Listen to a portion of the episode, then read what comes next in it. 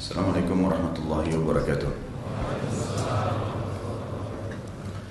Alhamdulillah, pujian kita selalu kita berikan kepada Allah Subhanahu wa taala. Zat yang maha kuat, maha perkasa, maha bijaksana dan maha segala sesu, segala sesuatunya. Ia mampu mengerjakan apa saja yang dia inginkan dan ia juga bisa memusnahkan siapa pun yang dia inginkan.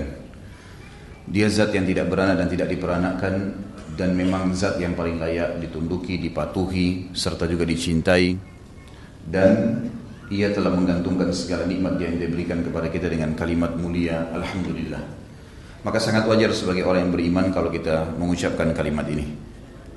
Yang kedua kita panjatkan salam hormat kita kepada manusia terbaik, manusia pilihan, pimpinan para nabi dan rasul Nabi Muhammad sallallahu alaihi wasallam sebagaimana Allah dan malaikatnya telah memberikan salam kepada beliau. Seperti biasa teman-teman sekalian dengan taufik dari Allah Subhanahu wa taala kita akan selalu coba rutinkan sebulan sekali untuk membedah serial sahabat. Dan alhamdulillah kita sudah selesai membahas 11 orang sahabat yang mulia ridwanullahi alaihim dari 10 orang yang dijamin masuk surga Abu Bakar As-Siddiq, Umar bin Khattab, Uthman bin Affan, Ali bin Abi Talib, kemudian Talha bin Ubaidillah, Zubair bin Awam, Abdurrahman bin Auf, Sa'ad bin Sa'id bin Zaid, Abu Ubaidah bin Jarrah dan juga kita sudah bahas yang ke-11 Suhaib Rumi pada pertemuan yang lalu dan pada sore ini semoga Allah berkahi kita akan bahas sahabat yang ke-12 Salim Maula Abi Hudzaifah. Tentu saya dalam metode membahas biografi para tokoh-tokoh mulia generasi emas umat Islam ini saya mengikuti urutan buku. Semestinya sebagaimana saya sampaikan untuk kita membahas Suhaib Rumi radhiyallahu anhu di pertemuan kita yang ke-11 ada di antara sahabat-sahabat yang memiliki fadilah melebihi beliau. Seperti misalnya Hamzah bin Abdul Muttalib paman Nabi SAW Kemudian ada Mus'ab bin Umair yang akan kita bahas pada pertemuan akan datang yang ke-13 insyaAllah. Ada Bilal bin Rabah, ada Salman al-Farisi, ada Abu Darda. Banyak sahabat-sahabat Nabi yang lain yang memang memiliki kedudukan mungkin secara fadilah kata para ulama lebih baik daripada Suhaib. Tetapi urutan buku yang sedang kita bedah yang teman-teman bisa dapatkan di depan sama panitia memang seperti itu maka bukan berarti kita meletakkan Suhaib Rumi bahasan ke-11 dan Salim Maula Abi Hudzaifah yang ke-12 Ridwanullahi alaihim berarti mereka lebih afdal daripada sahabat yang lainnya. Kalau 10 orang yang masuk surga secara mutlak memang itu disepakati oleh jumhur ulama. Tetapi bahasan 11 sampai ke 100 sahabat insya Allah maka semua itu ya, adalah sesuai dengan urutan buku yang sedang kita bedah. Dan insya Allah saya lagi programkan, mohon doanya teman-teman sekalian, mudah-mudahan tulisan saya terbit sendiri tentang tokoh-tokoh sahabat ini. Hari ini kita bahas Salim Maula Abi Hudzaifah. Selain daripada urutan tadi yang saya jelaskan, metode yang saya gunakan juga, saya selalu memulai dengan durus wal ibar. Pelajaran dan ibrah yang bisa diambil dari para tokoh yang akan kita bahas.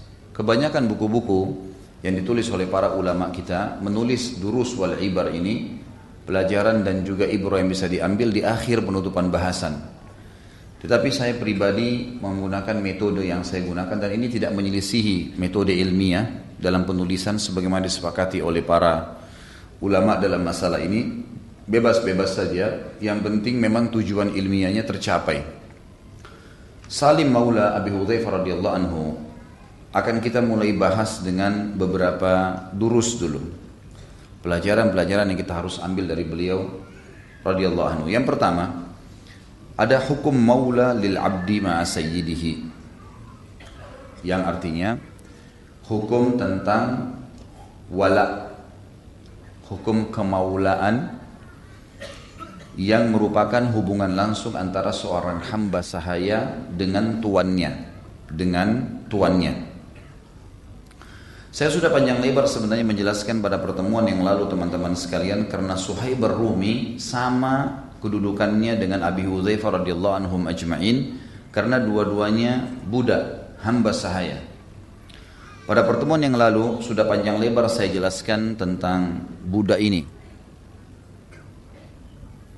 Ada keterbudakan dalam Islam, ada perbudakan dalam Islam.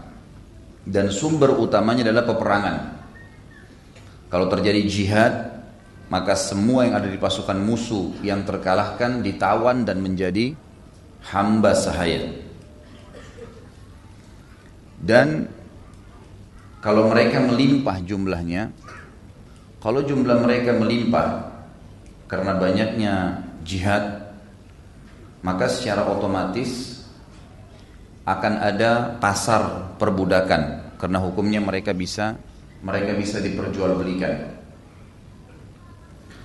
Yang ingin saya tambahkan pada pertemuan kita sekarang teman-teman sekalian adalah dalil tentang adanya perbudakan dalam Islam. Dan perlu Anda tahu sebelum saya baca dalil dalam surah Muhammad ayat 4 Perbudakan ini bukan cuma dalam kaum muslimin, bukan cuma pada kaum muslimin, tapi semua suku, semua kaum, semua komunitas di muka bumi ini dari manusia selama terjadi peperangan di antara mereka sudah biasa ada perbudakan. Hanya saja perbudakan mereka buruk karena pada saat satu pasukan berhasil menguasai satu wilayah, yang mereka lakukan adalah mereka menjadikan budak semua yang ada di wilayah yang sedang mereka kuasai itu. Dan pada saat mereka lakukan budak atau mereka menjadikan budak, maka mereka berbuat semaunya sendiri. Memukul, membunuh, memerkosa, ya, menindas, Bahkan tidak jarang di antara mereka yang memotong anggota tubuh budaknya. Seperti ada bahasan saya di kitab Imam Az-Zahabi, dosa-dosa besar, hukum haramnya mengebiri hamba sahaya. Ada di antara mereka karena dia punya hamba sahaya laki-laki, dia khawatir nanti mengganggu istrinya, situan ini maka dia mengebiri hamba sahayanya. Haram dalam agama Islam. Cukuplah sabda Nabi SAW, Siapa yang mengebiri hamba sahayanya, maka kami akan mengebirinya. Orang-orang sebelum kaum muslimin memperlakukan budak dengan sangat buruk, sangat buruk.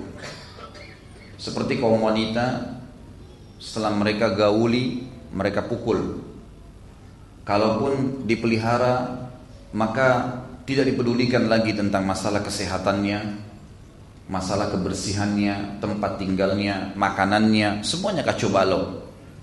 Bagi mereka melampiaskan syahwat selesai dibuanglah budak wanita tersebut. Kalau dia tidak rasa butuh ditebas lehernya dibunuh. Itu udah biasa. Dalam rentetan sejarah peperangan dunia sudah begitu. Bahkan terakhir waktu Amerika masuk ke Irak tersebar banyak sekali cuplikan-cuplikan bagaimana mereka memperbudak kaum muslimin di antara pasukan-pasukan mereka banyak yang homoseksual dan menghomoi pasukan muslim yang ada di Irak. Mereka menindas dan mereka melakukan itu. Berapa banyak mereka mencambuknya, mereka menguliti kulitnya, menyiksa, menyiksa. Kita lihat sekarang, teman-teman sekalian, bagaimana Islam mengatur semua itu dengan kemuliaan. Saya akan mulai dengan dalil surah Muhammad ayat 4. Bunyinya a'udzubillahi minasyaitonirrajim. فإذا لقيتم الذين كفروا فضرب الرقاب حتى إذا أثخنتموهم فشدوا الرق فشد فشدوا الوثاق فإما منا بعد وإما فداء حتى يدع الحرب أوزارها الآية Kalau seandainya kalian bertemu dengan orang-orang kafir di kancah peperangan, maka perangilah mereka. Makna yang lain adalah tebaslah leher mereka, lawan sampai mereka mati. Kalau di kancah peperangan. Sampai kalian memenangkan peperangan itu. Kalau kalian sudah menangkan peperangan tersebut, maka semua yang menjadi tawanan kalian punya hak Ambil tawanan itu. Jadi budak kalian kata Allah. Atau kalian bebaskan mereka. Atau kalian punya hak untuk mengambil tebusan dari kerabat mereka atau suku mereka. Ini semua hak, boleh. Jangan buru-buru menghakiminya. Saya akan sebutkan hukum-hukum syari berhubungan dengan hamba sahaya ini. Yang pertama teman-teman sekalian, kalau kita menang dalam kancah peperangan, semua yang dipasukan musuh dari manusia menjadi hamba sahaya kita laki-laki atau perempuan, anak kecil atau orang tua, dan dibagi rata kepada mujahidin. Tapi perhatikan, apa ajaran Islam untuk kita terhadap mereka? Yang pertama adalah husnul muamalah. Harus kita berbuat baik dengan mereka. Perhatikan saya bacakan firman Allah surah An-Nisa ayat 36. A'udzu billahi minasyaitonir rajim kita disuruh berbuat baik. Wabil walidaini ihsanan wa dzil qurba wa bidzil qurba wal yatama wal masakin wal jari dzil qurba wal jaril junub. Warjalil junub wal jaril junubi was sahibi bil jambi wa ibnis sabili wa ma malakat aymanukum. Al ayah. Kata Allah berbuat baiklah selalu. Tutur kata yang santun tatapan mata yang syahdu jamaan tangan yang lembut gitu kan. Semua itu kepada kedua orang tua, kepada kerabat, kepada anak-anak yatim, kepada orang-orang miskin, kepada tetangga yang jauh, ke tetangga yang dekat dan tetangga yang jauh, juga kepada pasangan hidup kalian. Serta anak-anak yang terputus jalan atau ibnu sabil, orang-orang yang terputus jalan, kehabisan bekal atau dirampok dan yang kalian miliki dengan tangan kanan kalian, maksudnya para budak. Jadi ayat ini kata ulama tafsir Allah masukkan budak bersama dengan berbuat baik dengan orang tua dan semua golongan yang sudah kita sebutkan tadi. Di dalam hadis Nabi Muhammad SAW diriwayatkan Imam Muslim dan hadis ini sahih tentunya. Kata Nabi SAW kepada para sahabat setelah mereka mendapatkan tawanan perang. Hum ikhwanukum wa khawalikum. Mereka-mereka ini budak adalah saudara-saudara kalian dan pembantu-pembantu kalian. Ja'alahumullahu tahta aidikum.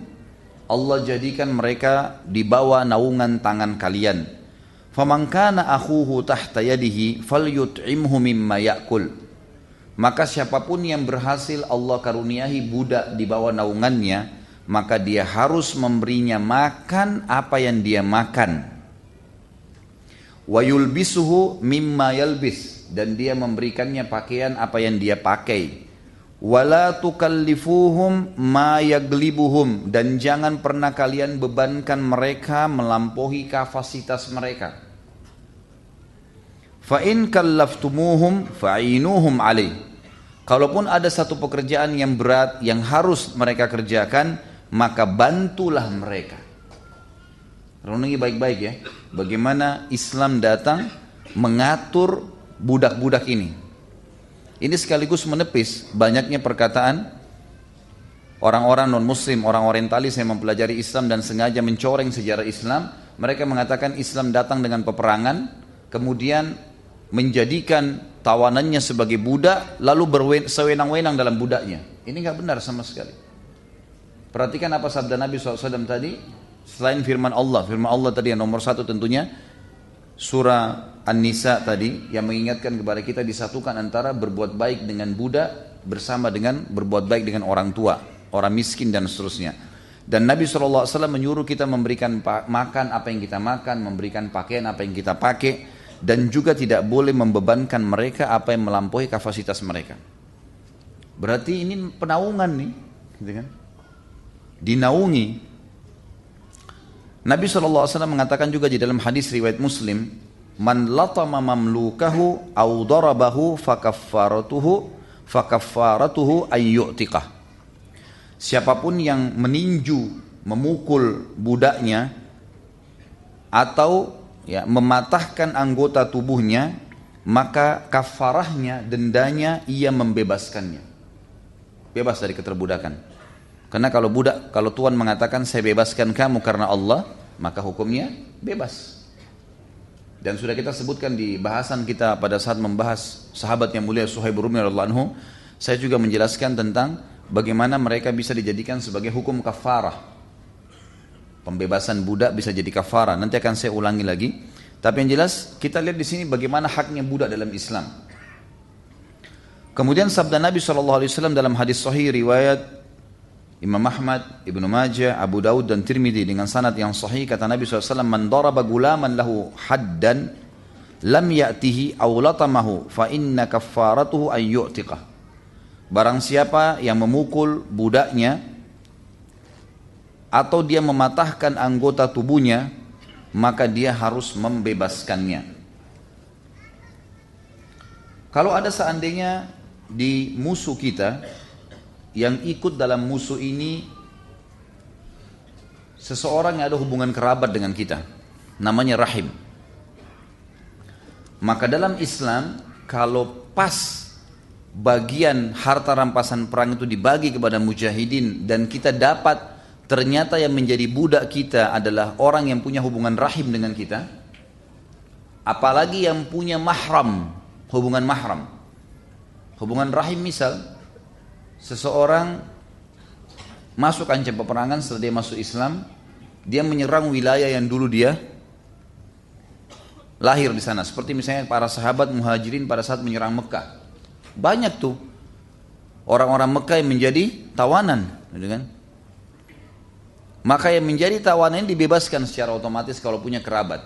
Apalagi kalau rahim, punya hubungan rahim atau mahram maka secara otomatis dengan sabda Nabi sallallahu alaihi wasallam riwayat Imam Muslim dan Abu Dawud man malaka dza rahimin mahrum uh, uh, muhrimin. Man malaka dza dza rahimin mahramin fahuwa hur.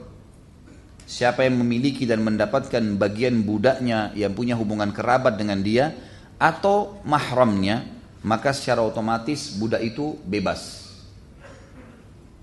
Misal seseorang mendapatkan bagian harta rampasan perangnya ayahnya, ibunya, saudarinya, tantenya.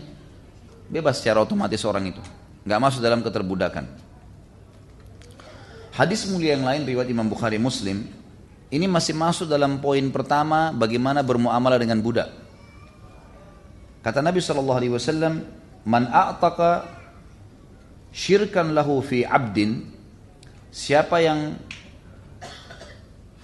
membebaskan setengah hak dia di budak yang dia partner dengan orang lain. Misal gini, kalau budak lagi banyak, ada pasar budak nanti menjual mereka. Seperti kasus Zaid bin Haritha radhiyallahu anhu nanti akan kita bahas kehidupan beliau. Itu dijual di pasar Mekah. Khadijah beli radhiyallahu anha dan pada saat menikah dengan Nabi SAW dihadiahkan untuk Nabi SAW. Gitu kan. Ada pasar budak. Nah, budak yang dijual di pasar, misal seorang budak ini contoh saja harganya 10 juta rupiah. Saya dengan teman saya partner membeli budak itu 5 juta 5 juta.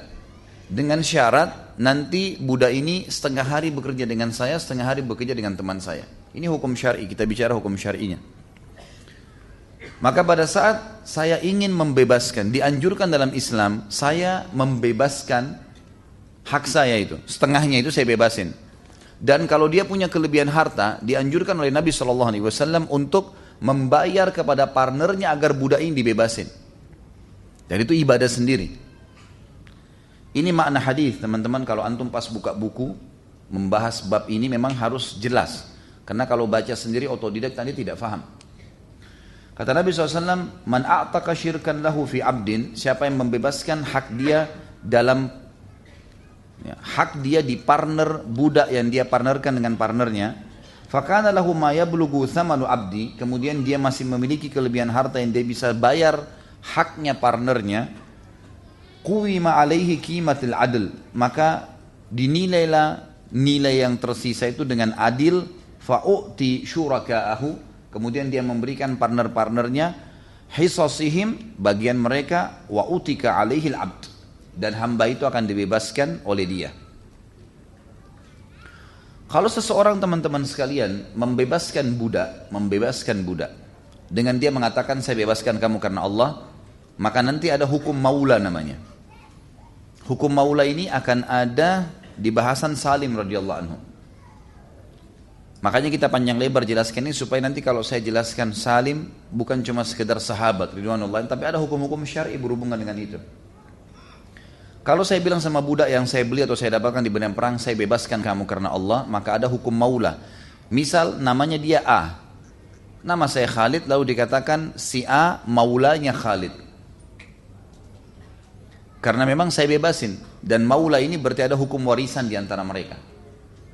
Kalau sampai misalnya budak itu meninggal, maka saya memiliki hak waris. Karena hukum dalam syariat kita, maula ini, pembebasan budak yang didapatkan ya, dari tuannya, itu dengan cara tuannya lillahi ta'ala membebaskan, itu hukumnya seperti hukum nasab. Ada hak waris di antara mereka.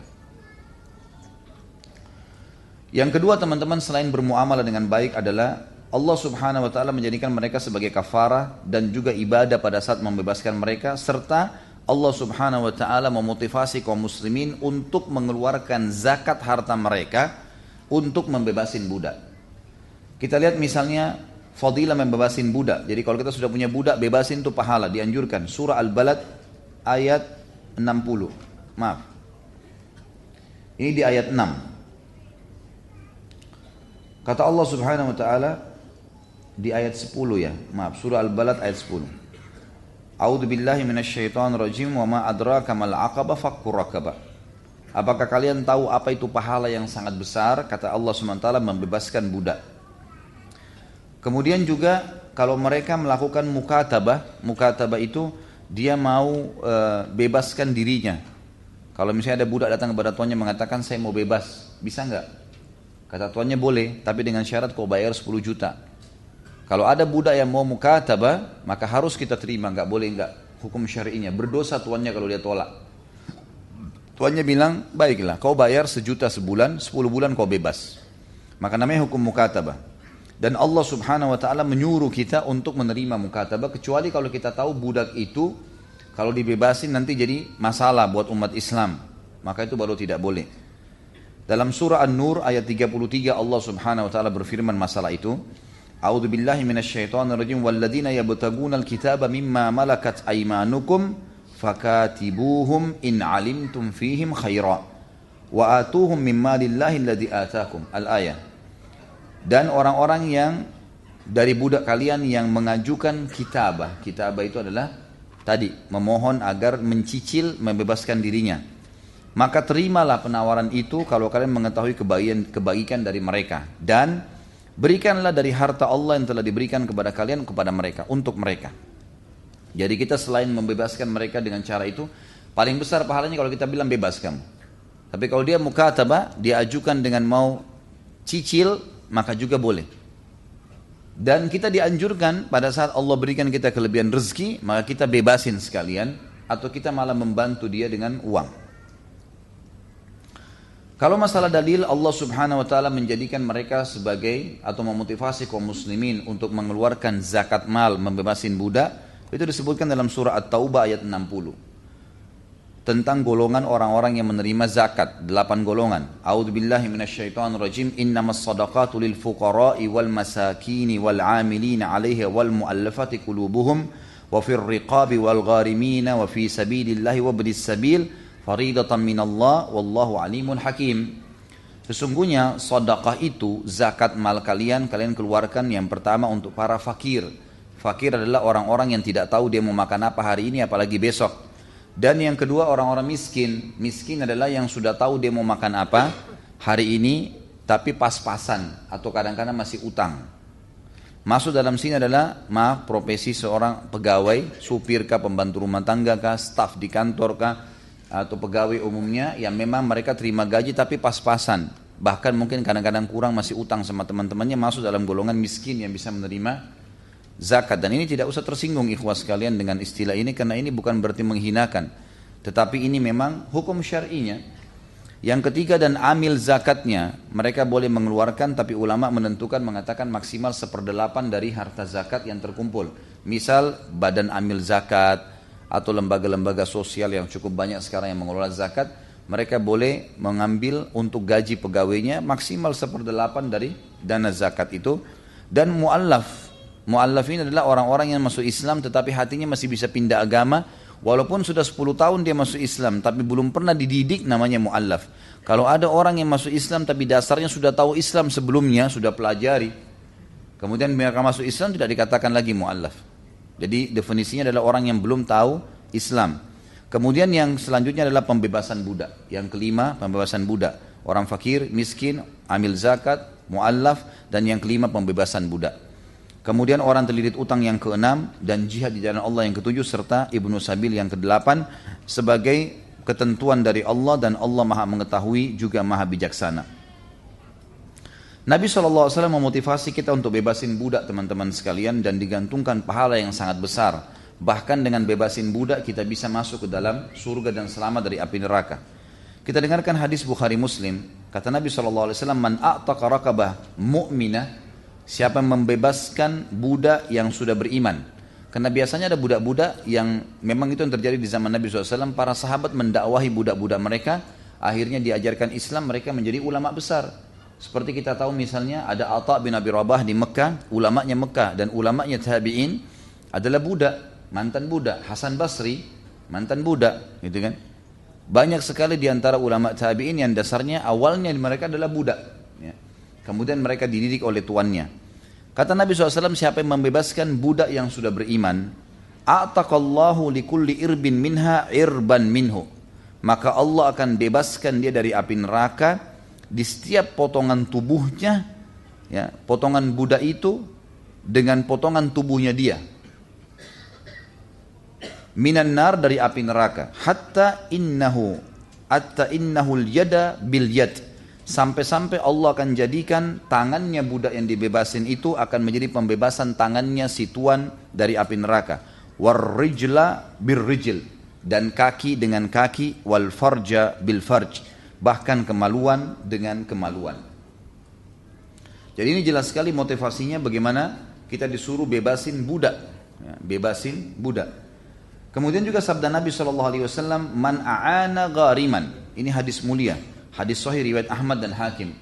Siapa yang menolong orang yang terlilit hutang? Ini teman-teman fadilahnya besar sekali nih. Dengarkan baik-baik. Ada teman-teman kita terlilit hutang lalu kita tolong mereka. Augazian atau menolong seorang prajurit perang, mujahid. Au mukatiban fi kitabatihi atau seorang budak yang mau bebaskan dirinya dari keterbudakan dengan mukatib tadi. Adallahu Allahu yawma la illa dhillu. Allah akan naungi dia di mana hari tidak ada naungan kecuali naungannya.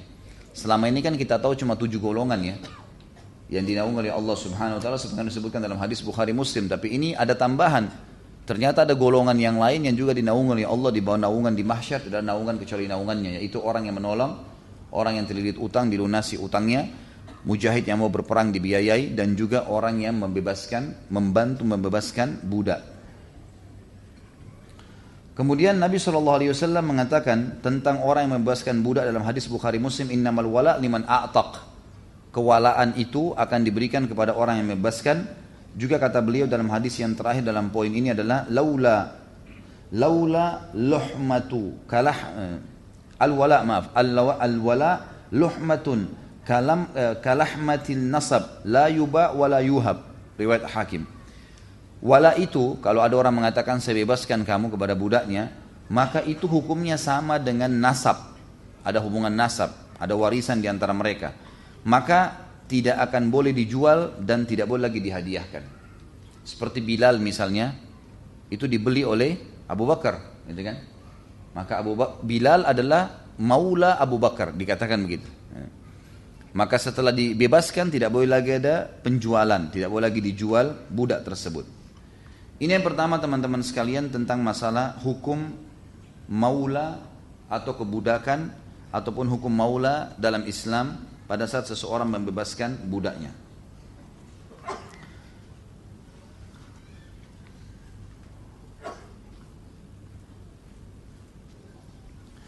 Sekarang kita masuk pelajaran yang kedua yang kita bisa ambil dari Salim Maula Abi Hudzaifah ini adalah hukum mengangkat anak angkat di dalam Islam. Karena Salim ini budak, ada hukum nanti. Salim radhiyallahu anhu adalah budak yang dibeli di pasar oleh istrinya Abu Hudzaifah. Nama istrinya adalah Thabi, Thabiyah binti Ya'ar Al-Ansariyah. Jadi dari kecil ini rupanya Salim seperti anak bayi lah bayi tidak jelas mana orang tuanya dijual di pasar perbudakan. Abu istrinya Abu Hudzaifah beli. Dipelihara oleh istrinya Abu Hudzaifah gitu kan. Lalu berjalannya waktu Salim mulai tumbuh besar dan sudah dianggap seperti anaknya sendiri oleh si Thabiyah ini tadi radhiyallahu anha. Pada saat itu Abi Hudzaifah pun akhirnya mengubah status dia budak menjadi anak angkat. Bolehkah hukumnya? Maka kita akan bicara tentang hukum mengangkat anak angkat. Kita perlu teman-teman tahu bahwasanya dalam Islam boleh mengangkat anak angkat. Siapa pun dia, punya hubungan kerabat atau tidak. Seperti misalnya Nabi SAW mengangkat Zaid bin Haritha, mantan budaknya beliau yang beliau jadikan sebagai anak angkat. Sampai-sampai, dan itu kasusnya adalah pada saat Zaid bin Haritha ini didatangi oleh ayahnya, ayahnya lalu meminta Nabi SAW untuk membebaskannya dan mau siap membayar. Lalu kata Nabi SAW, suruh aja pilih Zaid. Kalau Zaid pilih anda, maka silahkan saya bebasin tanpa tebusan. Tapi kalau dia pilih saya, maka anda harus berbesar hati melepaskannya. Lalu Haritha menanyakan kepada Zaid, wahai Zaid, Muhammad sangat bijaksana. Dia suruh pilih, kamu milih dia atau milih saya. Kalau kau pilih saya, kau akan bebas kembali menjadi turunan saya dan menjadi penerus saya sebagai kepala suku. Maka Zaid radhiyallahu anhu mengatakan, saya tidak mungkin mendahulukan Muhammad dari siapa pun, termasuk anda, ayahnya sendiri. Setelah itu, Nabi SAW sangat gembira dan mengubah namanya Zaid menjadi Zaid ibn Muhammad. Diubah nama ayahnya Haritha sampai turun firman Allah Subhanahu wa taala dalam surah Al-Ahzab ayat 40. Yang bunyinya ini teman-teman kalau ada kesempatan catat dicatat ya. Sayang dalil-dalilnya ini. Bunyinya a'udzubillahi minasyaitonirrajim ma kana Muhammadun aba ahadin min rijalikum walakin Rasulullah wa khataman nabiyyin wa kana Allah bikulli syai'in alima. Sampai turun firman Allah Muhammad bukanlah ayah seseorang di antara kalian sallallahu alaihi wasallam. Tetapi beliau adalah utusan Allah dan penutup para nabi dan Allah mengetahui segala sesuatunya. Barulah diubah kembali namanya Zaid bin Haritha menjadi Zaid eh, Zaid bin Muhammad mengubah menjadi Zaid bin Haritha. Juga Abi Hudzaifah dalam kasus yang lain mengangkat Salim sebagai anak angkatnya. Terus saja dikatakan Salim bin Abi Hudzaifah sampai turun firman Allah Subhanahu wa taala di dalam surah Al-Ahzab ayat 50. Maaf, surah Al-Ahzab ayat 5. A'udzu billahi minasyaitonir rajim. Ud'uuhum liabaihim huwa aqsatu indallah. Fa in lam ta'lamu aba'ahum fa ikhwanukum fid dini wa mawalikum. 'alaikum junahum fima akhta'tum bihi walakin ma ta'ammadat qulubukum wa kana Allahu ghafurar rahima. Panggillah budak-budak kalian itu, anak-anak angkat kalian itu. Ya, jadi ada budak, ada anak angkat. Kalau budak mau dianak angkat kan juga boleh, gitu kan? Masing-masing punya hukum. Panggillah anak-anak angkat kalian itu atau budak-budak kalian dengan nama ayah-ayah mereka. Seperti misalnya Zaid tadi yang dia merupakan anak angkat Nabi SAW dikembalikan ke nama ayahnya Zaid bin Haritha. Tapi disebut maula Nabi Muhammad SAW. Itu lebih adil di sisi Allah. Kalau kalian tidak tahu ayah-ayah mereka, tidak jelas mana ayahnya, maka berarti mereka adalah saudara kalian seagama. Kalian bisa mengatakan ini saudara kami seagama atau kalian mengatakan maulah saya. Jadi ternyata hukum maulah ini terjadi dua. Pembebasan budak tadi yang kita di awal bahasannya poin pertama. Kalau saya bebasin budak maka dia berarti punya hukum maulah dengan saya. Atau yang lain adalah kalau kita mengangkat anak angkat dan anak angkat ini tidak jelas siapa ayahnya, siapa ibunya, nggak tahu mana orang tuanya. Maka kita bisa mengatakan jangan dikatakan misalnya Ahmad bin Muhammad. Tidak boleh. Dicari nama. Kalau tidak ada maka dikatakan Ahmad Maula Muhammad. Kalau tidak jelas orang tuanya ya. kata Allah swt kalau kalian tidak tahu ayah-ayah mereka fa lam ta'lamu aba'ahum fa ikhwanukum. Maka katakanlah saudara kami fid din dalam agama. Wa mawalikum atau maula-maula kalian dan Allah tidak akan menghukum kalian dengan apa yang kalian keliru tetapi Allah akan menghukum apa yang kalian sengaja tanamkan dalam hati kalian. Sungguhnya Allah maha pengampun lagi maha penyayang. Ini hukum pertama berhubungan dengan mengangkat anak angkat. Jadi boleh dalam Islam. Dari darinya jelas. Ya. Berhubungan dengan hukum ini juga perlu diketahui kalau dia anak perempuan maka bukan mahram kepada si laki-laki yang mengangkatnya sebagai anak angkat kalau sudah balik. Begitu pula kalau anak laki-laki bukan mahram bagi si perempuan yang mengangkatnya sebagai anak angkat. Kecuali dalam satu keadaan dia sempat disusui. Kalau anak angkat itu sempat disusuin, maka berarti boleh menjadi mahram. Kalau tidak, maka tidak. Jadi kalau sudah balik, hukumnya hukum orang asing. Tapi boleh tinggal serumah selama memang tidak berdua. Seperti misalnya saya sama istri saya, misal mengangkat anak angkat. Kemudian anak angkat ini teman-teman sekalian, tumbuh besar misalnya di rumah saya seorang perempuan. Selama dia belum balik, masih tidak ada masalah kumpul. Tapi kalau sudah balik, hukumnya hukum orang asing. Tapi boleh tinggal serumah karena balas jasa yang bisa diberikan kepada orang yang telah mengangkatnya sebagai anak angkat. Kecuali dia sudah sempat disusui, nanti akan kita jelaskan di poin ketiga tentang hukum menyusui dalam Islam, saudara susuan. Selanjutnya, yang ketiga hukum tentang masalah anak angkat ini adalah boleh menikahi mantan pasangan anak angkat. Misal, saya punya anak angkat, kemudian anak angkat ini menikah, laki-laki misalnya. Dia menikah dengan seorang wanita, ternyata dia cerai dengan istrinya. Hukum syari, hukum syari. Boleh nggak saya nikah dengan mantan istrinya anak angkat saya? Boleh. Gitu.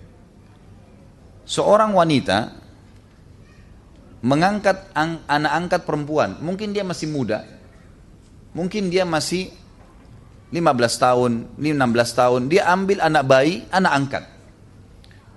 Berjalan waktu ternyata si perempuan yang mengambil anak angkat ini mungkin belum menikah atau misalnya menikah tapi suaminya mati atau cerai, gitu kan? Anak angkat yang dia angkat tadi si perempuan ini sudah gadis, misalnya umur 15 tahun, itu menikah.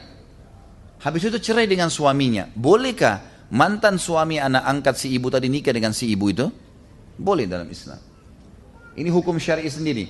Diambil dari mana? Hukum pernikahan Nabi SAW dengan mantan istrinya Zaid ibn Haritha. Tadi anak angkat Nabi SAW itu menikah dengan masih keluarganya Nabi namanya Zainab. Zainab radhiyallahu anha menikah dengan Zaid. Zaid ini mantan budak, gitu kan? Waktu Zainab datang kepada Nabi SAW mengatakan, Ya Rasulullah, saya mau nikah. Siapa yang anda prioritaskan? Siapa yang anda tunjuk? Kata Nabi SAW, Zaid ibn Haritha. Ini Zaid nikahi. Zainab sempat berat, karena kenapa? Zainab ini orang terkenal di sukunya, dan dia tahu Zaid ini budak.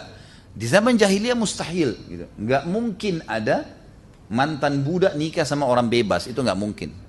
Di zaman jahiliyah, kalau di Islam tidak ada masalah, tidak ada masalah sama sekali, gitu kan? Tapi begitulah hukumnya. Cuman ini kena perintah Nabi SAW sama Zainab diterima, menikahlah mereka. Berjalan waktu, ternyata Zainab ini secara kejiwaan suka tertekan. Selalu dia merasa dihantui terus dengan perasaan, nih Zaid ini budak gitu. Ada perasaan itu. Dia mengeluh dengan Nabi SAW, ya Rasulullah, perasaan saya sama Zaid ini ganjal. Walaupun saya sudah menikah, saya tetap merasa gak nyaman gitu dan sulit menghormati dia sebagai suami. Zaid juga selalu mengatakan hal yang sama kepada Nabi SAW, ya Rasulullah, Zainab ini merasa dirinya lebih daripada saya. Saya sulit untuk mengaturnya gitu. Secara kejiwaan gitu kan. Setiap kali mereka mengeluh dengan Nabi SAW, Nabi SAW selalu mengatakan sabarlah, jalani rumah tangga kalian. Selalu diingatkan, sabarlah. Sampai puncaknya sering ribut, akhirnya melapor kepada Nabi SAW, turun firman Allah Subhanahu Wa Taala menyuruh Nabi SAW untuk menyetujui perceraian Zaid sama Zainab.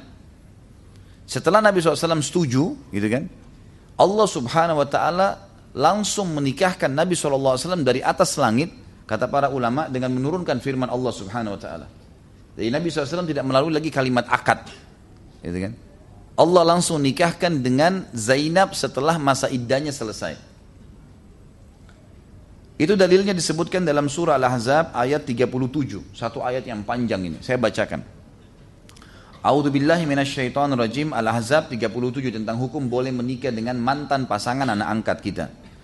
Wa idh taqulu lil ladzina an'ama Allahu 'alaihi wa an'amta 'alaihi amsik 'alaika zawjak wattaqillah wa tukhfi fi nafsika ma Allahu mubdihi wa takhshan nasa wallahu ahaqqu an takhsha yang artinya sampai sini dulu sebelum selesai ayatnya. Belum selesai ayatnya maksud saya.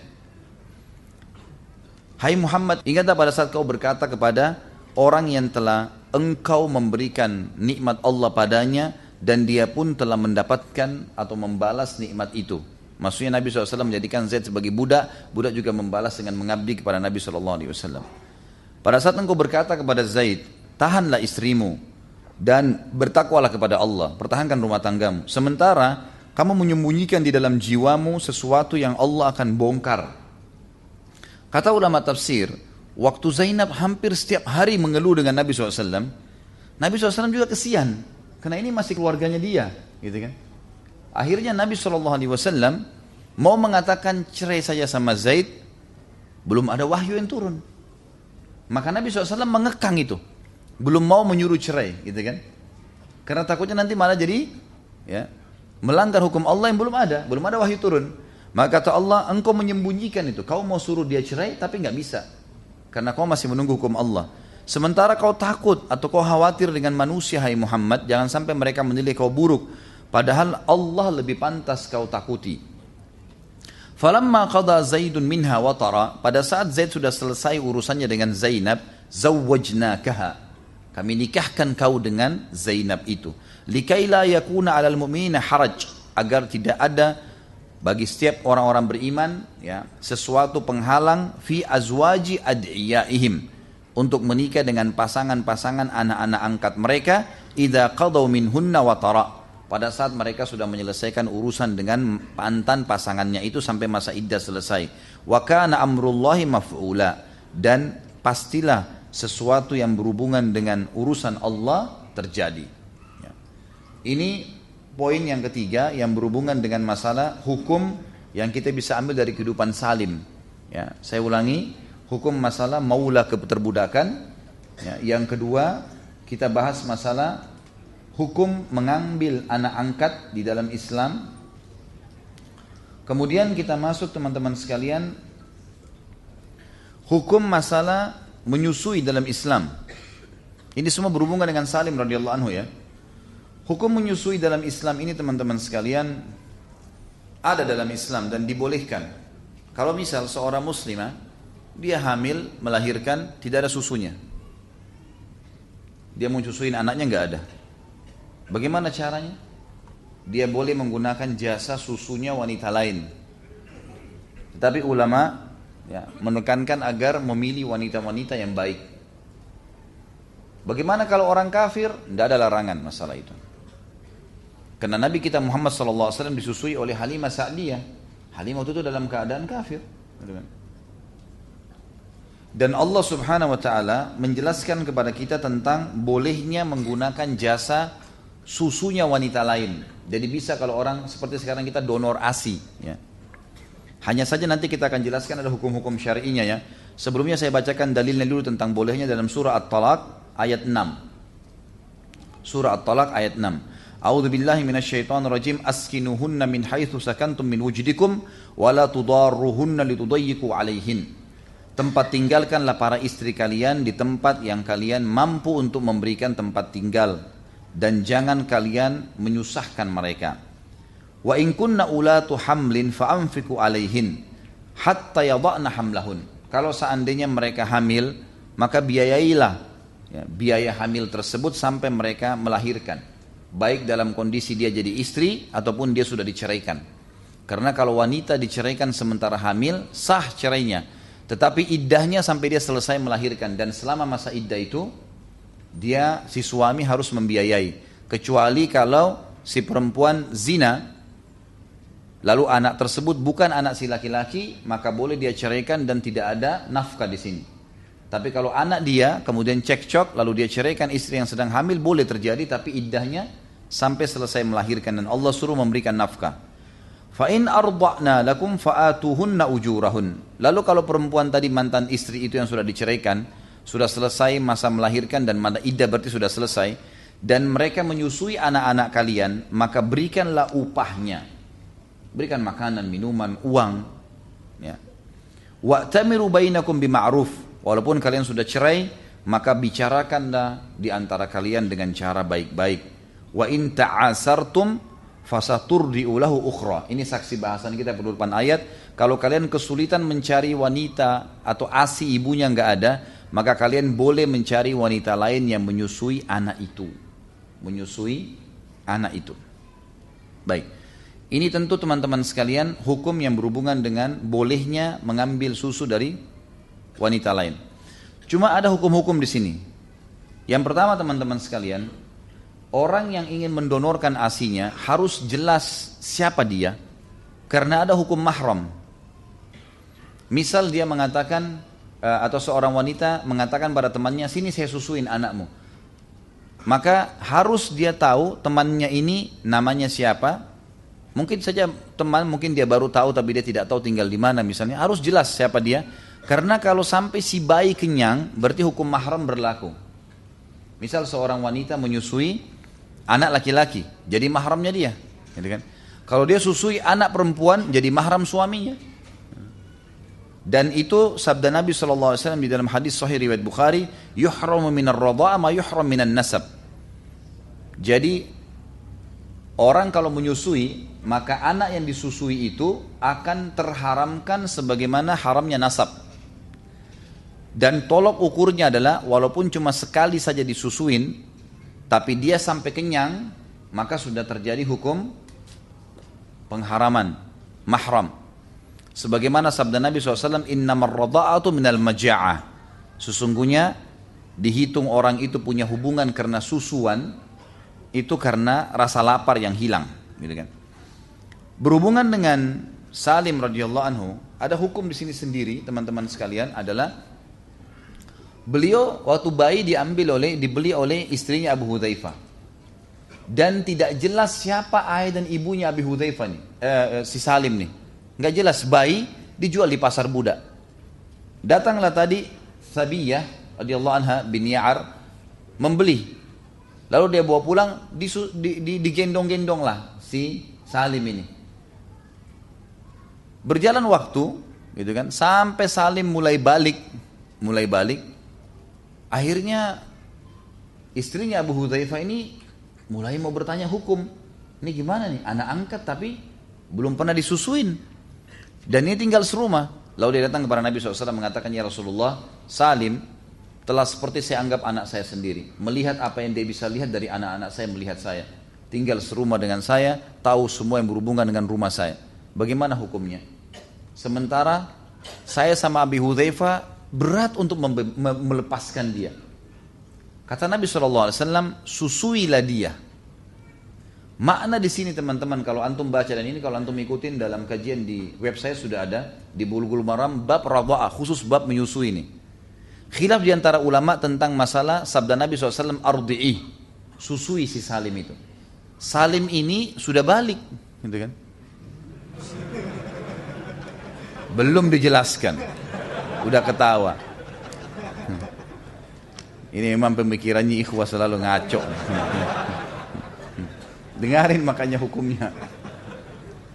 Bagaimana caranya sahabiat ini tadi radhiyallahu anha Sabiyah menyusui Salim. Salim sudah balik. Maka ulama merincikan makna hadis. Waktu Nabi SAW mengatakan susuilah dia, ternyata ada rentetan histori ini. Si Sabiyah radhiyallahu anha ini kebetulan waktu itu memiliki bayi dan ada asi maka yang dimaksudkan oleh Nabi SAW susuilah dia adalah tuangkan susumu di wadah, berikan kepada Salim. Sudah paham? Bukan nyusui dari sumbernya ya. Ini soalnya kalau antum baca hadisnya, antum akan bingung kalau tidak dijelasin tuh. Kok Salim sudah balik disusui sama ibu angkatnya?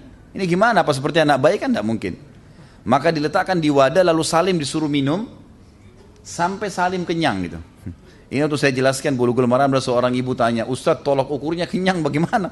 Dia kan sudah dewasa. Masa itu juga saya harus rincikan bu? Itu faham sendirilah gitu.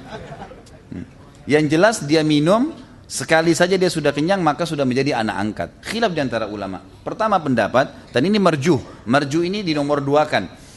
Bahwasanya hadis tersebut khusus untuk Salim radhiyallahu anhu. Nabi SAW menghususkan Salim karena Salim punya kemuliaan. Nanti akan kita sebutkan manakibnya. Kelebihan-kelebihan beliau.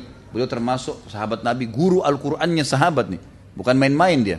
Ini kedudukannya sangat tinggi. Bahkan dia mengimami Abu Bakar dan Umar. Nanti akan kita jelaskan hukum-hukum syari'inya. Ada ini pendapat-pendapat ini pendapat yang marju. Riwayat yang lain dijelaskan oleh Aisyah radhiallahu anha kalau ini sebenarnya bukan khusus untuk Salim, tapi berlaku pada siapa pun. Kalau kebetulan memang si ibu angkat ini punya air susu, memang dia punya bayi, misalnya kayak kasus tadi, Salim dan tuannya ini, maka berarti boleh ASI tersebut diberikan di wadah dan diberikan kepada anak yang sudah terlanjur diangkat dari kecil itu. Kalau tidak ada asinya berarti tidak akan menjadi mahram selamanya. Karena tidak bisa gitu. Hukumnya tidak bisa. Makanya diambil daripada hukum perilaku yang disebutkan keadaan Salim radhiyallahu anhu. Baik teman-teman sekalian, itulah yang saya ingin sampaikan berhubungan dengan masalah durus wal ibar, pelajaran dan juga ibrah yang kita bisa ambil. Sekarang kita masuk ke bahasan tokoh kita radhiyallahu anhu ini. Salim Maula Abi Hudzaifah tidak ditahu mana orang tuanya sebagaimana saya jelaskan tadi. Waktu turun firman Allah Subhanahu wa taala menyuruh untuk mengembalikan nama-nama mereka kepada orang tua mereka tadi yang sudah saya bacakan ayatnya ud'uhum li abaihim huwa aqsatu indallah. Itu di dalam surah Al-Ahzab tadi ayat 5 maka Abu Huzaifah keliling mencari tahu mana ayahnya nih? Mana ayahnya Salim? Kirim informasi ke sana sini tidak dapat informasi. Akhirnya Abi Huzaifah memberikan istilah bagi Salim maula maula karena dia dibebasin. Dia dibebasin, maka boleh dipanggil saudaraku seiman atau dikatakan maulaku, gitu kan? Makanya judul kita Salim Maula Abi Hudzaifah. Di sini perlu difahamin bukan berarti Abi Hudzaifah ya bebasin Salim begitu saja. Hukum maulanya tapi maksudnya adalah karena Salim diangkat menjadi anak angkat dan sempat disusui oleh istrinya maka diberikan julukan maula. Jadi memang dari awal sudah dibebasin oleh Abi Hudzaifah, tapi dia ingin bukan cuma bebas saja, memang sekalian menjadi mahram buat istrinya. Maka keluarlah julukan Maula terlebih lagi karena orang tua Salim tidak diketahui di mana radhiyallahu anhu ajmain. Baik, kita masuk teman-teman sekalian. Salim yang dikenal cuma itu saja dalam biografinya Salim Maula Abi Hudzaifah karena tidak jelas orang tuanya. Dan Abi Hudzaifah radhiyallahu anhu sempat menikahkan dia dengan sepupunya sendiri yang bernama Fatimah bintil Walid bin Utbah. Walid bin Utbah ini salah satu tokoh Quraisy yang menjadi korban di perang Badar. Ini berarti tokohnya orang-orang Quraisy. Uh, Wabi Hudzaifah ingin menghilangkan keyakinan setelah Islam kalau tidak boleh budak nikah sama orang bebas. Maka dia nikahkan dengan sepupunya sendiri yang bernama Fatimah bintil Walid bin Utbah dan ini tidak ada, saya tidak temukan sama sekali ada buku yang menjelaskan kalau Salim memiliki anak. Allahu alam kalau antum temukan maka mungkin bisa dijadikan sebagai rujukan. Tapi yang jelas saya tidak menemukan itu. Saya pribadi tidak menemukan nama daripada uh, anak Salim radhiyallahu anhu. Fadilah yang pertama atau mangkap atau makmas, manakib ya. Kelebihan si Salim adalah beliau termasuk as-sabiqun al-awwalun minal muhajirin. Beliau termasuk orang yang awal-awal masuk Islam dari muhajir dan ini orang yang paling afdal dalam Islam, gitu kan. Enggak ada yang bisa mengalahkan as-sabiqun al-awwalun minal muhajirin. Allah berfirman dalam surah At-Taubah ayat 100. A'udzu billahi minasyaitonir rajim. As-sabiqun al-awwaluna minal muhajirin wal ansar والذين اتبعوهم بإحسان رضي الله عنهم ورضوا عنه وعد لهم جنات تجري تحتها الأنهار خالدين فيها أبدا ذلك الفوز العظيم Orang-orang yang awal-awal masuk Islam dari muhajir dan orang ansar dan orang-orang yang mengikuti mereka dengan cara baik, mencontohi kehidupan mereka. Allah ridho kepada mereka dan juga mereka ridho kepada Allah. Dan Allah menjanjikan buat mereka surga yang dibawanya mengalir sungai dan mereka kekal di dalamnya selamanya. Itulah keberuntungan yang besar. Salim termasuk orang-orang awal masuk Islam dan muhajir yang pertama awal-awal masuk Islam. Yang kedua teman-teman sekalian, beliau termasuk orang yang menghadiri semua peperangan Nabi Shallallahu Alaihi Wasallam termasuk perang Badar. Yang sudah sering kita sebutkan dari awal pertemuan, semua sahabat yang hadir di Badar ini punya fadilah. Orang-orang di Badar ini punya fadilah. Karena Allah subhanahu wa ta'ala membebaskan mereka melakukan apa saja yang mereka mau. Setelah mereka denggalkan Badar, kalau mereka buat dosa Allah sudah ampuni, khusus untuk ahli Badar saja. Dan di sini Salim termasuk hadir di Badar dan tidak pernah ada peperangan Nabi Shallallahu Alaihi Wasallam yang beliau tidak hadir, semuanya dihadiri. Dan ini juga sebuah fadilah tersendiri. Selanjutnya teman-teman sekalian yang menjadi inti judul kita adalah Ustadznya Al-Quran, ya, guru mengaji para sahabat. Ini kisahnya teman-teman sekalian adalah pada saat kaum muslimin ditindas di Mekah, Abi Hudzaifah merasa tertindas dan Abi Hudzaifah pun akhirnya hijrah ke Habasyah. Sementara Salim tidak mau hijrah. Dan dia memang bertekad ingin mempelajari Al-Quran langsung ya, dari Nabi SAW. Tidak mau ya, meninggalkan Mekah karena ingin belajar langsung Al-Quran dari Nabi SAW. Ini semua kata para ulama karena Salim sangat memahami firman-firman Allah berikut ini. Dan ini sekaligus teman-teman memberikan gambaran kepada kita tentang pentingnya Al-Quran. Jangan antum cuma sering gonta-ganti Al-Quran karena covernya terbitan baru, gitu kan? Atau hanya sekedar ya, memajang di rumah karena beli dari Saudi atau dari Madinah misalnya. Al-Quran teman-teman turun untuk dibaca, ditadaburi, dihafal, diamalkan. Harus dan kata ulama, seorang muslim dan mukmin harus tahu kebutuhannya terhadap Al-Quran lebih penting daripada air pada saat dia haus, lebih penting daripada makanan pada saat dia lapar, bahkan lebih penting daripada tempat tidur pada saat dia sedang letih. Butuhnya dengan Al-Quran lebih penting daripada itu. Banyak kita menganggap Al-Quran seperti buku biasa. Renungilah sama-sama teman-teman sekalian beberapa ayat yang saya akan bacakan berhubungan dengan Al-Quran dan ini kata para ulama tertanam sekali dalam jiwa Salim radhiyallahu anhu sampai dia terbentuk menjadi guru mengajinya para sahabat. Yang pertama surah Al-Furqan ayat 1. A'udzu billahi minasyaitonir rajim. Tabarakalladzi nazzala al-furqana ala 'abdihi liyakuna lil 'alamin nadhira. Maha suci dan maha berkah Allah yang telah menurunkan Al-Furqan Al-Quran kepada hambanya Muhammad sallallahu alaihi wasallam agar dia dengan kitab Al-Quran itu menjadi petunjuk bagi seluruh alam semesta. Manusia dari suku mana pun mestinya menjadikan Al-Quran sebagai rujukan. Bukan cuma kita. Memang dia petunjuk untuk seluruh alam semesta. Karena Allah mengatakan lil alamina nadhira. Jadi Al-Quran ini sangat sangat layak untuk diorbit dijadikan sebagai rujukan bagi seluruh negara. Bukan malah kita buat diri sendiri, buat semuanya gitu. Yang kedua teman-teman sekalian surah An-Nisa ayat 105. A'udzu billahi minasyaitonir rajim. Inna anzalna ilaikal kitaba bil haqqi litahkuma bainan nasi bima arakallah wa la takun lil kha'inina khasima. Sesungguhnya kami benar-benar telah menurunkan Alkitab, Al-Quran kepada Muhammad agar engkau menghakimi manusia dengannya sesuai dengan apa yang Allah inginkan dalam kitab itu. Dan janganlah kamu menjadi penolong terhadap orang-orang yang salah. Saksi bahasan kita kitab yang diturunkan dengan benar untuk menjadi hukum bagi manusia. Kemudian surah Fussilat ayat 41 sampai ayat 42 Allah subhanahu wa ta'ala juga berfirman wa innahu lakitabun aziz Ketahuilah Al-Quran ini adalah kitab yang aziz, yang mulia. Biasanya istilah aziz ini dipakai untuk orang yang punya kedudukan tinggi. Seperti misalnya saat Allah SWT menyebutkan tentang Raja Mesir yang telah mengambil Yusuf alaihissalam. Disebutkan aziz. Ya. Wamra'atil aziz. Dan istrinya si raja itu yang ingin mengajak Yusuf alaihissalam berzina gitu kan. Digunakan istilah aziz.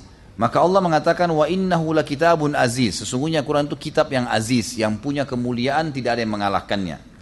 La ya'tihil batilu min baini yadai wala min khalfi.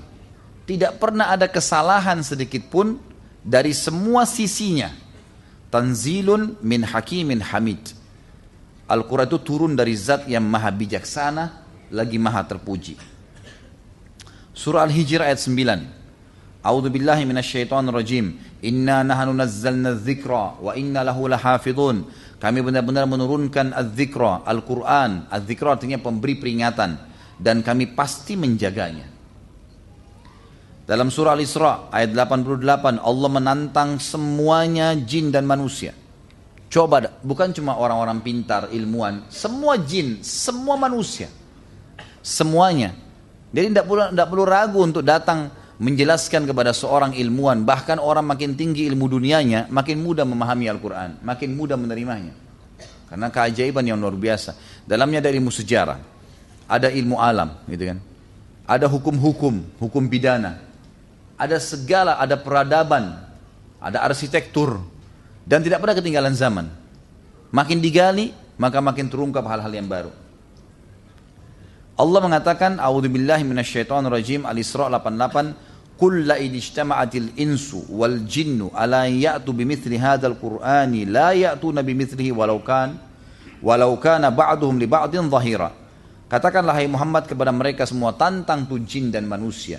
Kalau kalian semua wahai jin dan manusia bersatu untuk mendatangkan seperti Quran ini, maka kalian tidak akan pernah bisa mendatangkan yang sama dengan itu, walaupun kalian satu sama yang lain saling bantu dan saling melihat. Sekarang jin tidak bisa, manusia tidak bisa lihat jin. Tapi kalau kalian sudah saling lihat melihat pun semuanya bersekutu ini miliaran manusia, miliaran jin semuanya sama-sama untuk mendengarkan Al-Quran mereka tidak akan mampu. Surah Ar-Ra'd ayat 31. Ini ayat yang mulia sekali. Ini ayat terakhir dalam masalah fadilah Al-Quran. Tentu banyak ya, ini yang saya kumpulin saja. A'udzu billahi rajim. Surah Ar-Ra'd ayat 31. Walau annal Qur'ana suyirat bihil jibalu au qutti'at bihil ardu au kullima bihil mauta. Kalau seandainya ada kitab yang bisa membuat seluruh gunung-gunung hancur lebur. Semua bumi ini goncang dan terpecah-pecah. Serta orang mati bisa berbicara, maka pasti itu adalah Al-Quran. Renungi maknanya ya, ini bukan cuma masuk telinga kanan, keluar telinga kiri nih. Ini benar-benar makna yang luar biasa supaya antum boba dari sini Quran itu dipegang, jadikan sahabat, baca terus. Lebih penting daripada air pada saat antum haus. Jangan lewatin sehari kecuali ada beberapa ayat baca, selalu baca. Kata Nabi SAW dan Nabi menjadikan orang yang belajar Al-Quran serta mengajarkannya orang yang paling baik dari umat ini. Hadis riwayat Bukhari, Tirmidzi dan Ibnu Majah. Kata beliau SAW, khairukum man ta'allama Al-Qur'ana wa 'allama. Orang yang paling baik, yang paling sempurna di antara kalian adalah orang yang belajar Al-Quran, bacaannya, maknanya, ya, kemudian hafalannya dan mengamalkannya. Kemudian mereka mengajarkannya. Dan dalam hadis riwayat Muslim kata Nabi SAW, la hasada illa fitnatain. Tidak boleh orang hasud kecuali dalam tiga, dalam dua orang. Enggak boleh kita cemburu kecuali pada dua orang ini. Rajulun atahu Allahul Qur'ana fahuwa yatlu ana al-laili wa ana an-nahar. Yang boleh kita cemburuin tuh bukan orang yang punya mobil Mercy, punya rumah mewah di Menteng sana, bukan. Atau orang punya kulit yang putih, gagah atau cantik, bukan itu. Tapi seseorang fisiknya bagaimanapun yang Allah karuniai kepadanya Al-Qur'an Lalu dia sibuk. Di sini kata ulama ulama hadis, dia diberi Al-Quran bisa saja bacaannya saja, cuma bisa baca belum hafal. Atau dia sempurnakan bacaan dan hafalan. Atau dia sempurnakan semuanya, bacaan, hafalan dan amalan. Tiga-tiganya bisa masuk. Seseorang yang Allah karuniai Quran lalu dia membacanya setiap malam dan setiap siang. Itu terus saja kita cemburu dengan orang ini. Warajulun eh, malan fahu yunfiqu ana al-laili wa ana an-nahar. Dan yang kedua adalah seseorang yang Allah karuniai kepadanya ya harta yang dia habiskan di jalan Allah pada siang dan juga di malam hari. Jadi teman-teman sekalian, Al-Qur'an ini harusnya dipelajari. Dan karena Salim radhiyallahu anhu mempelajarinya, kita lihat yang pegang buku silahkan dilihat ada di halaman 62. Di situ dikatakan kedudukan tinggi yang sampai mencapai bintang Orion, maksudnya adalah orang yang sudah sampai pada tingkat yang luar biasa. Salim waktu saudaranya Abi Hudzaifah hijrah ke Habasyah dia tidak mau karena dia ingin duduk belajar langsung dari Nabi SAW Al-Quran. Terus setiap hari dia cuma tahu dengar Al-Quran hafal, dengar Al-Quran hafal sampai Allah karunia dia suara yang sangat indah. Pada saat bacaannya, bukti kalau bacaan Salim itu sangat luar biasa, sampai-sampai waktu mereka hijrah di Madinah atau ke Madinah, Nabi SAW menyuruh para sahabat membangun Masjid Kuba. Dan pada saat Nabi SAW membangun Masjid Kuba, dua tiga hari beliau tinggal sana, beliau jadi imam. Pada saat beliau masuk ke Madinah untuk membangun masjid beliau, Sallallahu Alaihi Wasallam, itu Salim yang jadi imam. Dan nanti akan saya jelaskan poin terakhir kita nanti adalah masalah kedudukan keimaman dalam Islam. dan bagaimana pentingnya orang yang hafal Quran dan orang yang jadi imam dalam Islam. Itu luar biasa kedudukannya, sangat tinggi. Dan itu lebih penting daripada seorang raja, seorang pedagang, segala-galanya dikalahkan dengan imam. Kalau kita kan sekarang malah terbalik, kita anggap imam masjid itu oh imam, udah biasa, seperti tidak ada kedudukannya gitu. Muadzin, oh itu muadzin. Sampai saya subhanallah bicara sama seorang pengusaha kemarin waktu umrah, saya bilang kita ini harus buat program sekarang. Berapa banyak muadzin kita dan imam kita, subhanallah, dari sisi pakaian sangat sederhana. Rumahnya sudah mau rubuh, makan apa adanya. Padahal mereka ini yang tiap hari mengumandangkan azan memanggil kita sholat. Mereka lah yang tiap hari memimpin kita sholat. Mereka lah juga yang tiap hari ya, sibuk mengurus rumah Allah subhanahu wa ta'ala. Malah kita perhitungan dengan mereka ini salah ini. Ya. Sampai dia bilang benar ya Ustaz. Saya bilang ya benar. Mestinya begitu. Salim karena dia menjadi ya, orang yang hafal Al-Quran, maka disuruh oleh Nabi SAW untuk menjadi imam di Kuba.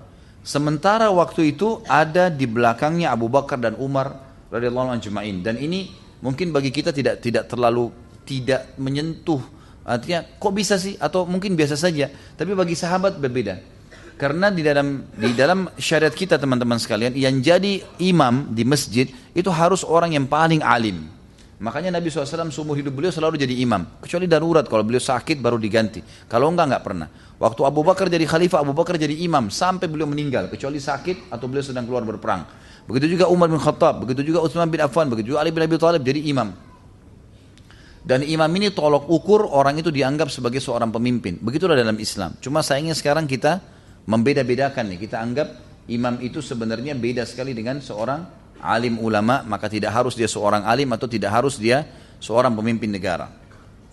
Baik, dikatakan oleh Ibnu Umar, manakala muhajirin angkatan pertama tiba di Ut, di, di Usbah, ya, sebuah tempat di Kuba, sebelum Nabi SAW datang yang menjadi imam bagi mereka adalah Salim Maula Abi Hudzaifah. Dialah orang yang paling banyak hafalannya di antara kami. Bagi teman-teman yang baca di sini buku kalau beli bukunya, maka ada di footnote diceritakan panjang lebar. Ada sedikit yang dibahas oleh para ulama tentang perkataan dalam hadis bahwasanya Abi Hudzaifah menjadi imam di Kuba termasuk Abu Bakar menjadi makmum di belakangnya. Pertanyaannya bagaimana bisa? Sementara Abu Bakar itu sendiri radhiyallahu anhu berhijrah bersama Nabi SAW. Dan di sini disebutkan dari riwayat Ibnu Umar kalau Salim jadi imam di Kuba sebelum Nabi SAW hijrah. Maka iskal permasalahan ini dijawab oleh para ulama hadis dengan cara bahwasanya Salim jadi imam sebelum ya yang dimaksud di sini bukan sebelum Nabi SAW hijrah, karena Kuba belum dibangun, gitu kan? Tapi di sini setelah Nabi SAW hijrah dibangunlah Kuba, Nabi jadi imam selama 2-3 hari pada saat Kuba dibangun. Waktu Nabi SAW menuju ke Madinah, maka Abu Bakar sama Umar bersama dengan beberapa sahabat muhajirin yang lain masih tinggal di Kuba dan yang menjadi imam ditunjuk oleh Nabi Salim. Sementara ada Abu Bakar dan Umar dan ini kedudukan tersendiri di mata sahabat. Karena nggak mungkin ditunjuk jadi imam kecuali memang orang yang paling menguasai bacaan. Nanti kan kita sebutkan syarat-syaratnya.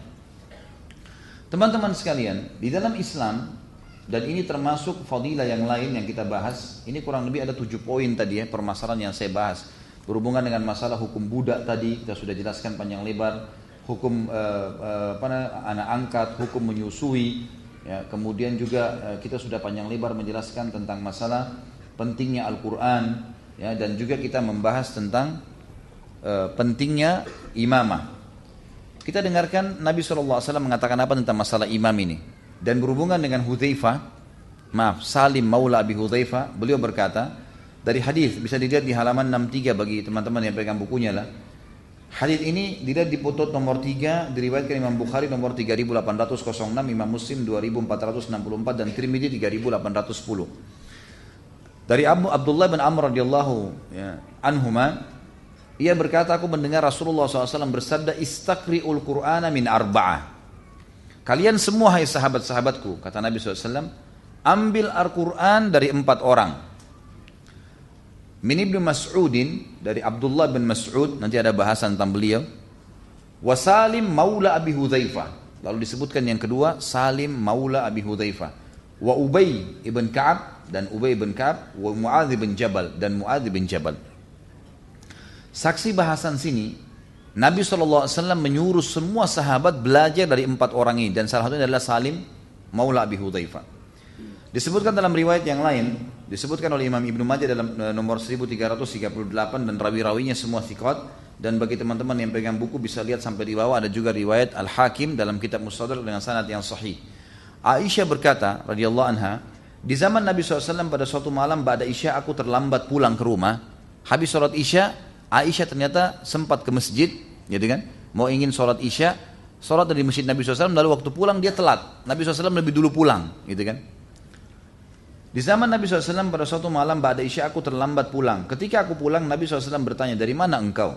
Maka aku menjawab, aku menyimak bacaan seorang laki-laki dari sahabatmu. Tadi waktu lagi di masjid nih, di sab perempuan, aku dengar ada ayat Al-Quran lagi dibaca, suaranya bagus sekali, merdu, luar biasa. Maka aku duduk mendengarkan dulu ayat itu. Karena bagusnya suaranya sampai aku dengarkan, kata Aisyah. Dan ini menandakan boleh mendengar suara laki-laki. Orang mengaji, suaranya bagus, tidak ada masalah, gitu kan? Kalau emang niatnya untuk itu ya. Maka Aisyah berkata, eh, aku mendengar suara dari salah satu seorang sahabatmu. Aku tidak mendengarkan bacaan dan suara seperti orang itu. Maka Aisyah berkata, Nabi SAW tiba-tiba berdiri dan mengikuti dan aku mengikutinya menuju ke masjid. Ingin lihat siapa yang mengaji itu. Akhirnya pada saat beliau mendengarkan suara orang yang mengaji tadi, beliau mengatakan kalimat yang mulia. Dan kata ulama ini pujian Nabi SAW khusus untuk Salim Maula Abi Hudzaifah ini radhiyallahu anhu. Hada Salimun Maula Abi Hudzaifah. Alhamdulillahilladzi ja'ala fi ummati mithla hada. Itu yang kamu dengar tadi hai Aisyah, Salim Maula Abi Hudzaifah dan aku memuji Allah karena di umatku ada orang seperti ini. Makna ini dalam bahasa Arab kalimatnya punya bobot ya. Kalau beliau mengatakan Alhamdulillah di um, yang menjadikan di umatku ada orang seperti ini. Maknanya di umatku sedikit sekali orang yang seperti ini. Makna lainnya, dia tidak ada, jarang orang seperti ini. Bacaannya bagus, hafalannya juga bagus Sampai semua sahabat disuruh ambil atau belajar dari beliau radhiyallahu anhu Ini berhubungan dengan masalah Fadilah Salim yang merupakan ya, beliau guru mengajinya para sahabat ya. Saya akan sebutkan teman-teman sekalian pentingnya masalah menjadi imam dalam Islam. Pertama hadis riwayat Muslim. Kata Nabi Wasallam, Ya ummul kauma akra akra'uhum li kitabillah. Yang harus menjadi imam di satu kaum adalah orang yang paling menguasai bacaan Al-Quran. Dan itulah sebabnya kenapa Nabi SAW mengizinkan Salim menjadi imam di Kuba. Berarti dia memang guru mengajinya para sahabat. Walaupun kata ulama hadis tadi disebutkan dalam riwayat kalau Salim eh, selain Salim ada Ibnu Mas'ud, ada Ubay bin Ka'ab, ada Muadz bin Jabar radhiyallahu anhu Tapi yang Nabi SAW tunjuk jadi imam nyata di lapangan adalah Salim Maula Abi Hudzaifah. Maka berarti jelas ini ada predikat akra'uhum, orang yang paling pintar bacaannya. Kemudian juga dalam hadis yang lain kata Nabi SAW ya ummul kauma akra'uhum li kitabillah Orang yang jadi imam di antara kalian harus orang yang paling benar bacaannya dan paling bagus dalam kitab Allah. Fa in kanu fil qiraati sawa, kalau seandainya mereka sama saja kalau dalam bacaan, hafalannya sama misal sama-sama 30 juz, suaranya juga sama-sama bagus, gitu kan? Siapa yang didorong menjadi imam? Kata Nabi SAW, fa'alamhum bis sunnah. Harusnya orang yang lebih faham di antara keduanya dari sunnah. Sunnah Nabi SAW. Fa in kanu fi sunnati sawa fa aqdamuhum hijrah. Kalau mereka sama juga ilmunya dalam sunnah, selain bacaan dan hafalan Qur'annya, maka dicari siapa yang lebih dahulu hijrah. Fa in kanu fil hijrati sawa, kalau mereka sama juga dalam hijrah, fa aqdamuhum silman, maka dicari siapa yang lebih dulu masuk Islam. Kemudian dalam hadis riwayat Muslim kata Nabi SAW, la ya ummanna ma maaf, فإذا حضر الصلاة فليؤذن فليؤذن لكم أحدكم ثم ليؤمم أكبركم Kalau seandainya azan sudah masuk waktunya maka seseorang azan lalu salah seorang menjadi imam yang paling besar atau tua di antara kalian. Kata ulama, kesimpulannya adalah untuk menjadi imam syarat pertama harus orang yang paling benar bacaan tajwidnya, hafalannya paling banyak, suaranya paling bagus. Kemudian kalau sama, maka yang kedua harus orang yang lebih faham sunnah. Berarti di sini bukan cuma sekedar imam, karena bisa baca. Seperti kita di Indonesia itu banyak sekali, gitu kan?